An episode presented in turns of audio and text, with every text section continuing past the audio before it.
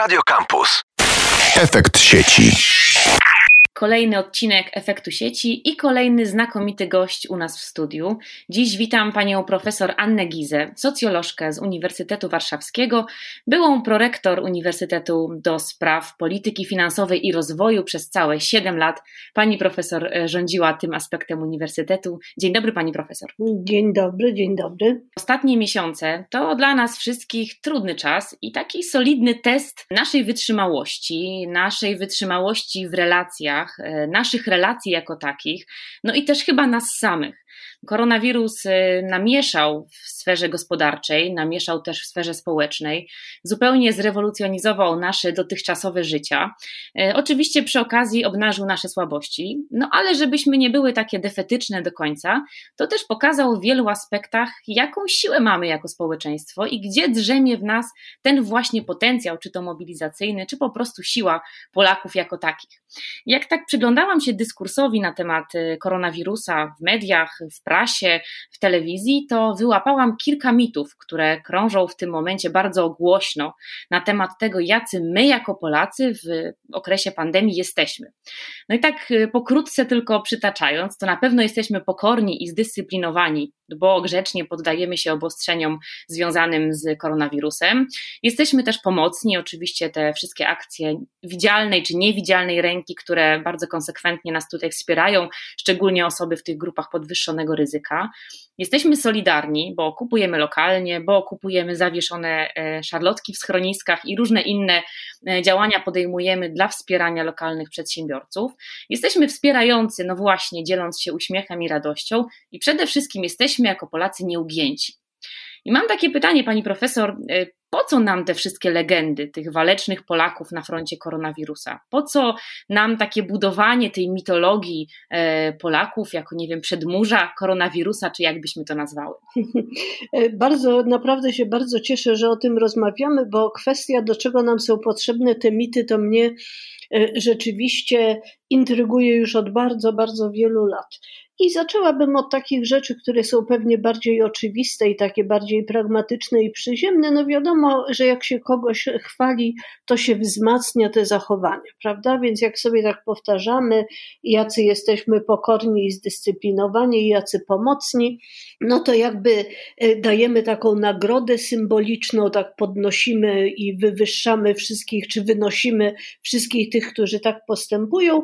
I to jest, e, ja myślę, że każdy rodzic i każdy po prostu, nie wiem, kto ma do czynienia z zarządzaniem ludźmi, to doskonale wie, że właśnie taka pochwała i takie pozytywne wzmocnienie jest bardzo potrzebne, niezależnie od tego, jak czasami brzmi to, powiedziałabym, no, y, zgrzytliwie, tak? Dlatego, że skądinąd, no, wiadomo, że jesteśmy bardzo zróżnicowani, jak każde normalne, masowe społeczeństwo na całym świecie.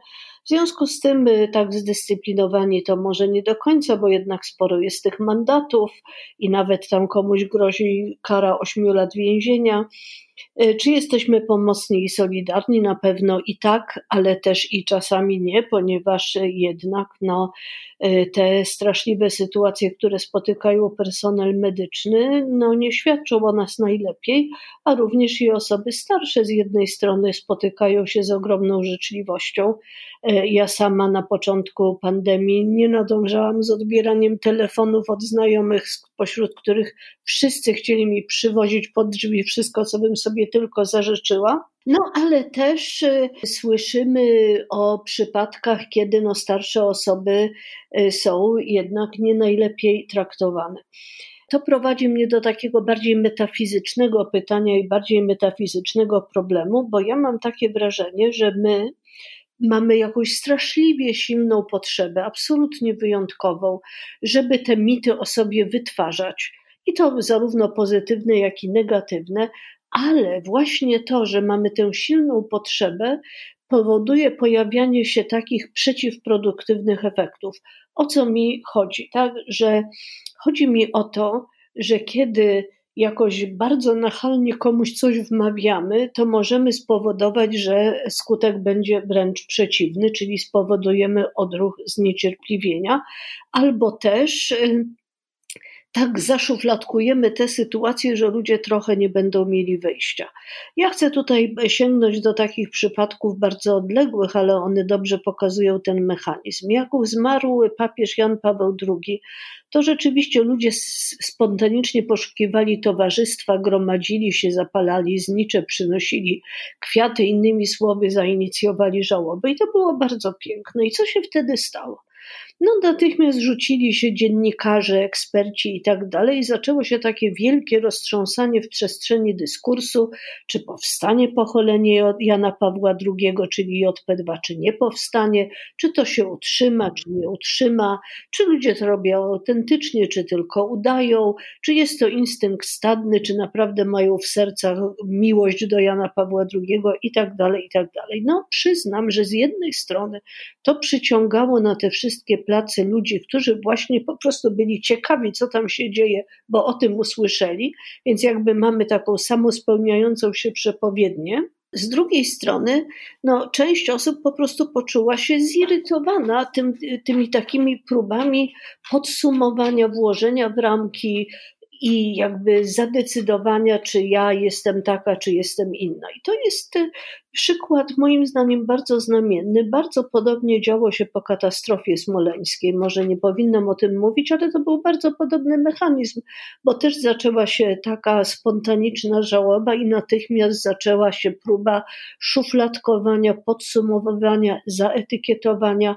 No i to się skończyło tak, jak się skończyło. I teraz wracając do pandemii no to znowu e, e, bardzo wiele słyszę takich głosów, że to właśnie jest taki test polskości prawda, że teraz oto wreszcie się okaże, czy to nasze polskie DNA to jest takie e, paskudne i tak naprawdę tylko za chwilę, lada moment wylazą z nas te wszystkie złe instynkty, e, czy raczej wreszcie dowiedziemy całemu światu, że jesteśmy wspaniali. I to e, no, znowu może prowadzić do bardzo nieprzewidywalnych konsekwencji, bo ja chcę wrócić do tego, co wydaje mi się najważniejsze, mianowicie jesteśmy różni. Raz zachowujemy zachowujemy się tak, a raz inaczej.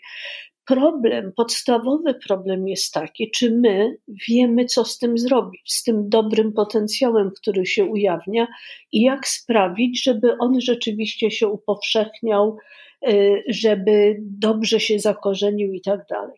Ale również, żeby zachować ostrożność. I teraz tak, proszę zwrócić uwagę, że my cały czas słyszymy, że gdzie są ogniska zakażeń? No gdzie są? No w szpitalach, w przychodniach, w domach pomocy. Innymi słowy, że tak naprawdę podstawowymi nosicielami koronawirusa jest personel medyczny. Więc nie możemy się potem dziwić. A, a i jeszcze chcę powiedzieć, że jednocześnie nie komunikujemy, że personel medyczny jest bezpieczny. No na przykład, że wychodząc z pracy przechodzi dezynfekcję czy jakieś odkażenie w śluzie, że naprawdę ci ludzie niczego nie przynoszą na butach i nie zostawiają sąsiadom na wycieraczkach i tak dalej, i tak dalej. I to jest y, brak takiej wyobraźni, ale też dobrego instytucjonalnego zarządzania tą sytuacją, tak żeby z jednej strony podtrzymać ten wspaniały odruch wożenia personelowi medycznemu jedzenia ciepłego, i z drugiej strony nie wywołać wilka z lasu, czyli nie spowodować, że komuś się zalęgnie w umyśle, w umyśle jakieś straszne podejrzenie, że personel medyczny może być wielkim niebezpieczeństwem dla pozostałych ludzi. No zresztą e, dodatkowa rzecz to jest taka, że wprowadzony został zakaz wieloetatowości, co oczywiście sprawiło, że w, w domach pomocy społecznej zabrakło lekarzy, co oczywiście spowodowało pojawienie się takich negatywnych e, komentarzy pod tym adresem, a prawda jest przecież taka, że jeśli chodzi o liczbę pielęgniarek, ale też i lekarzy na tysiąc mieszkańców. Jesteśmy na trzecim miejscu od końca w Europie przed Bułgarią i bodaj Rumunią, ale nie jestem pewna, nie chciałabym tych dwóch krajów skrzywdzić. Więc jakby no, tutaj leży problem i tym trzeba by było jakoś zarządzić, a nie odsądzać od czci i wiary samorządy, że porzuciły domy pomocy społecznej i nie ma tam personelu medycznego. Oczywiście no, ta stygmatyzacja, szczególnie personelu medycznego i te historie związane z kartkami, które kładą sąsiedzi na samochodach e, pracowników służby zdrowia, e, żeby znaleźli sobie inne miejsce zamieszkania i nie zarażali e, współlokatorów na osiedlu, to jest niestety chleb powszedni,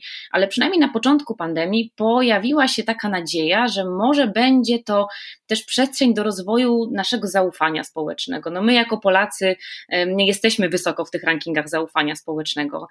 Dane Cebosu sprzed dwóch wprawdzie lat, ale mówią, że trzy czwarte Polaków zachowuje daleko idącą ostrożność, jeśli chodzi o ufanie drugiemu i tylko chyba co piąty wierzy, że należy ufać ludziom.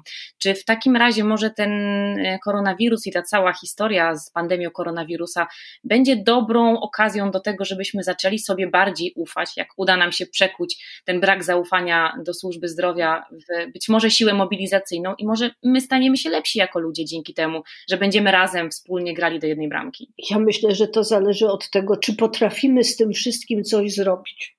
I znowu badania, które ostatnio, y, no rzeczywiście ostatnio bardzo dużo czytałam o zaufaniu społecznym i znalazłam bardzo ciekawe analizy y, oparte o wysofistykowane statystyki i wielkie badania porównawcze międzynarodowe. Podkreślam to, żeby nie wyszło, że wyssałam to z palca, ale generalnie rzecz biorąc, tam się wskazuje, że tak naprawdę podstawowym warunkiem tego interpersonalnego, uogólnionego zaufania, prawda, czyli zaufania do ludzi, których nie znam, ale a priori odnoszę się do nich życzliwie i z zaufaniem, a naturalnie zaufanie do bliskich kręgów to jest rzecz zupełnie naturalna. Więc okazało się, że ten poziom zaufania interpersonalnego jest bardzo silnie skorelowany z jakością instytucji i z jakością państwa ponieważ tak naprawdę my jesteśmy skłonni ufać obcym, przypadkowym, przelotnym itd., tak itd., tak tylko pod warunkiem, że mamy to fundamentalne przekonanie, że świat jest w porządku, że jak się coś stanie, to ktoś stanie w naszej obronie, że wszystkie instytucje działają bardzo dobrze i tak dalej, i tak dalej. Więc myśmy w naszym myśleniu bardzo spsychologizowali zaufanie, a tymczasem zaufanie jest czymś, czego się uczymy, albo może raczej oduczamy, bo według psychologa rozwojowego słynnego Eriksona, no to jednak jest tak, że my y, zaczynamy od takiego kapitału kredytu zaufania, jako niemowlęta, noworodki i tak dalej, i potem albo to jakoś w doświadczeniach społecznych albo to rozkwita i się utrzymuje, albo wprost przeciwnie usycha. To nie jest naprawdę rzecz przypadku, że nawet jak sobie weźmiemy kraje, w których ten poziom uogólnionego zaufania jest przeciętnie wysoki, to jak zejdziemy na poziom dysfunkcyjnych dzielnic miast na przykład, albo w ogóle dysfunkcyjnych miast, to tam ten poziom okazuje się bardzo niski. Bo jak mogę zachować to dziecięce zaufanie i otwartość do napotykanych ludzi, jeżeli mój wuj dostał po głowie w ciemnym zaułku, e, moja mama próbowała dochodzić sprawiedliwości przeciw czemuś i sądy ją olały i tak dalej, i tak dalej. Więc znowu do tego wracam, tak, że my jako ludzie, proszę zwrócić uwagę, że my wciąż łatamy własnym heroizmem i własną piersią różne niedostatki, prawda? Czyli mamy za mało lekarzy, więc oni heroicznie pracują po ileś tam godzin, albo na wielu etatach, a potem mówimy: hej, ci lekarze pracują na wielu etatach, to trzeba z tym w ogóle skończyć, tak? E, coś jest głęboko nie w porządku w naszym takim systemowym kształtowaniu ochrony zdrowia. I ja tutaj myślę o takiej starej filozofii, która się ciągnie chyba od e, niepamiętnych czasów socjalistycznych, mianowicie wychodzi się z założenia, że ach, lekarze to i tak dorabiają, biorą dyżury, pracują na wielu etatach, nie ma sensu im podnosić pensji, prawda?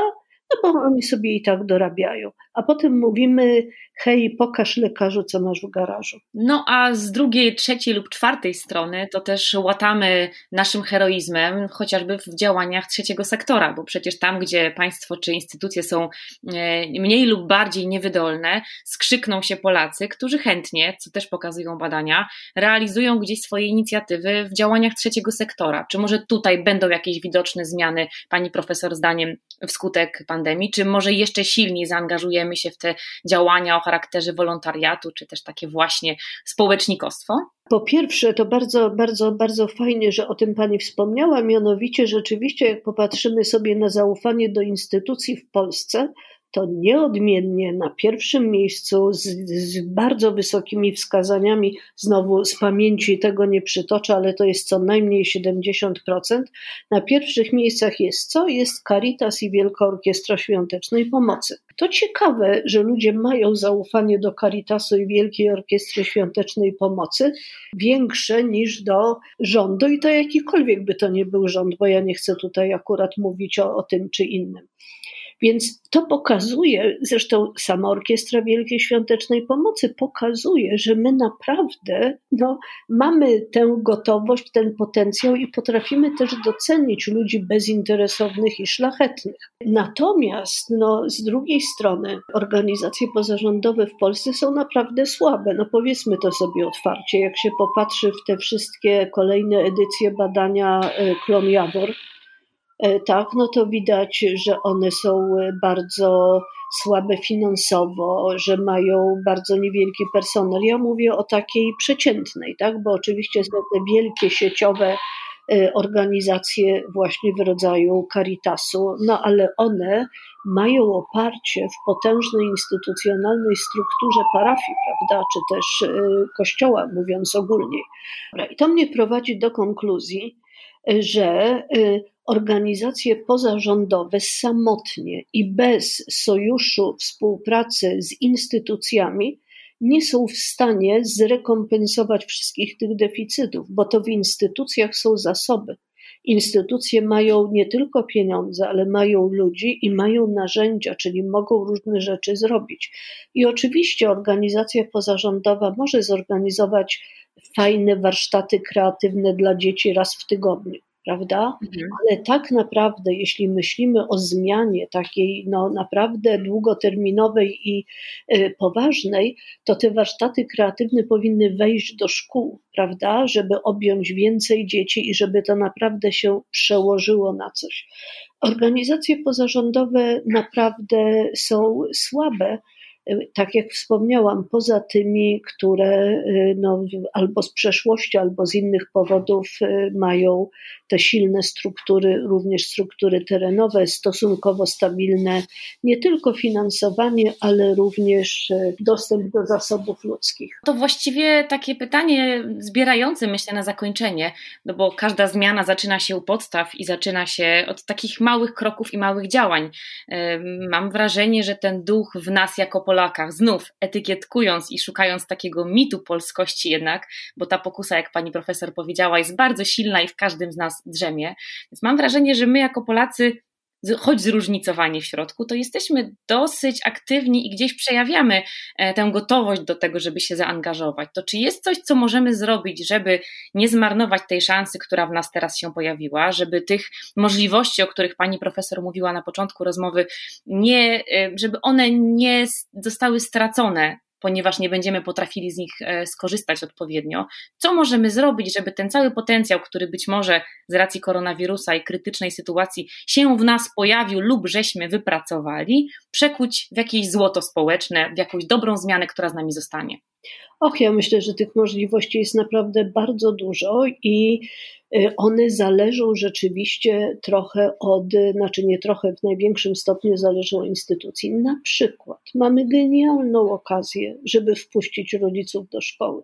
Skoro i tak przez ostatnie y, tygodnie, jeśli nie miesiące, pełnią rolę tak naprawdę nauczycieli, intendentów, dozorców, woźnych, cateringowców dla swoich dzieci, to myślę, że to jest genialny moment, który z jednej strony zmusił rodziców, żeby się przyjrzeli szkole, edukacji szkolnej y, i swoim dzieciom, a z drugiej strony, który uświadomił nauczycielom bardzo dobitnie, że to, co dzieje się z domu na, w domu, naprawdę ma znaczenie dla dzieci. Więc jest taka wielka szansa, żeby się otworzyć na rodziców, żeby ich zaprosić do szkoły, porozmawiać o doświadczeniach, e, dowiedzieć się, co im sprawiało trudność, a co nie, ale też ich wysłuchać, ponieważ wielu e, moich e, młodszych znajomych, którzy mają dzieci w szkołach, no to po raz pierwszy wejrzeli w podręczniki i w podstawy programowe, no i są, jakby to powiedzieć, miło zaskoczeni, tak? Albo są zdumieni wręcz tym, że to się niewiele różni od edukacji, którą sami przechodzili bardzo wiele lat temu. Więc to jest wspaniała okazja, tylko nie możemy kurczę udawać, że wszystko jest w porządku. Że nie, no, business as usual, prawda? Wrócimy do szkoły i wszystko będzie tak jak dawniej. Więc tutaj widzę, to samo zresztą dotyczy uczelni. No bo e, dla wyższych uczelni to jest też doświadczenie, które tak obnaża słabości. Myślę, że uczelnie nie mogą już dłużej udawać, że super wykorzystują nowoczesne technologie w uczeniu studentów, bo teraz widać, że nie. I teraz znowu albo możemy to gdzieś zakopać, prawda, i udawać, że się nic nie stało i wrócimy do normalności i tak dalej, albo możemy naprawdę partnersko potraktować studentów i zacząć z nimi rozmawiać o tym, czego im brakuje w naszym standardzie kształceniowym, polegającym na tym, że jeden mówi z pożółkłych notatek, a reszta siedzi i słucha. Oczywiście trochę przesadzam, znowu y, wykładowcy są bardzo różni i tak dalej. Jeżeli chodzi o służbę zdrowia, to naprawdę to jest y, ten moment, żeby znowu przestać przerzucać y, odpowiedzialność z jednego na drugiego i zadać sobie pytanie, co zrobić, żeby lekarzy, pielęgniarki, których naprawdę nie kształcimy tak mało, żeby ich zatrzymać, żeby ich dowartościować, żeby stworzyć im lepsze warunki pracy. Dużo jest y, rzeczy możliwych i bo ja tutaj mówię nie o takich porywach serca w, do, w, rodzaju, nie wiem, tam zaniosę komuś ciepłą strawę i tak dalej. Nie mówię o zaangażowaniu obywatelskim rozumianym jako coś ekstra. Ja mówię o tym, że nasza przyszłość i nasz los zależy od tego, czy my się zaangażujemy w te rzeczy, które są fundamentalne, systemowe i od których zależy nasz los, czyli czy rodzice zaangażują się w szkołę, czy studenci zaangażują się w uczelnię, czy władze zaangażują się w pracę nad podniesieniem prestiżu zawodu lekarza, e, nauczyciela, czy porozmawiamy poważnie o pensjach i tak dalej, i tak. Chciałabym, żeby to było jasne, że demokracja to są pewne nawyki działania w codziennym życiu, a nie jedynie odświętne akty. Jest taka świetna książka Susan Rose Ackerman, którą ona napisała na podstawie w latach wczesnych 90., spędziwszy sporo czasu w Polsce i na Węgrzech.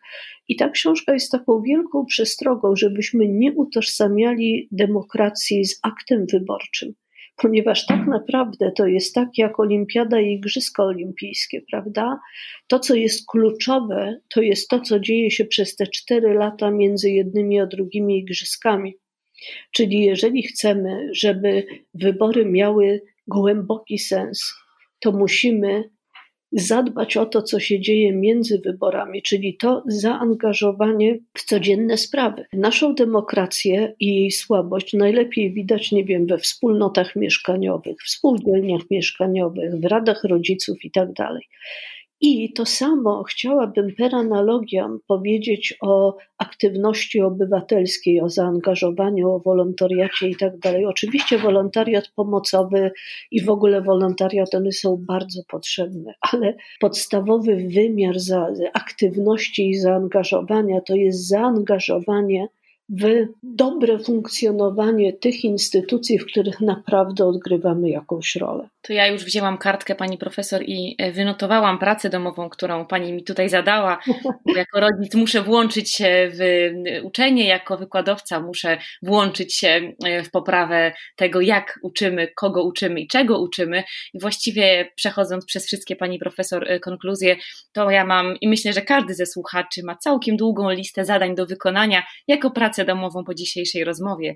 Także bardzo serdecznie pani profesor dziękuję, bo najlepsze są te rozmowy, z których wynikają konkretne działania i wskazówki, jak powinniśmy poprawić się i poprawić nasze zachowanie. Więc za tę receptę pani profesor bardzo serdecznie dziękuję. Naszym gościem była profesor Anna Giza, socjolożka z Uniwersytetu Warszawskiego, była prorektor Uniwersytetu przez ostatnich lat siedem. Dziękuję pani profesor bardzo. Bardzo dziękuję. Efekt sieci. Campus, campus, sztosy, sztosy, same sztosy.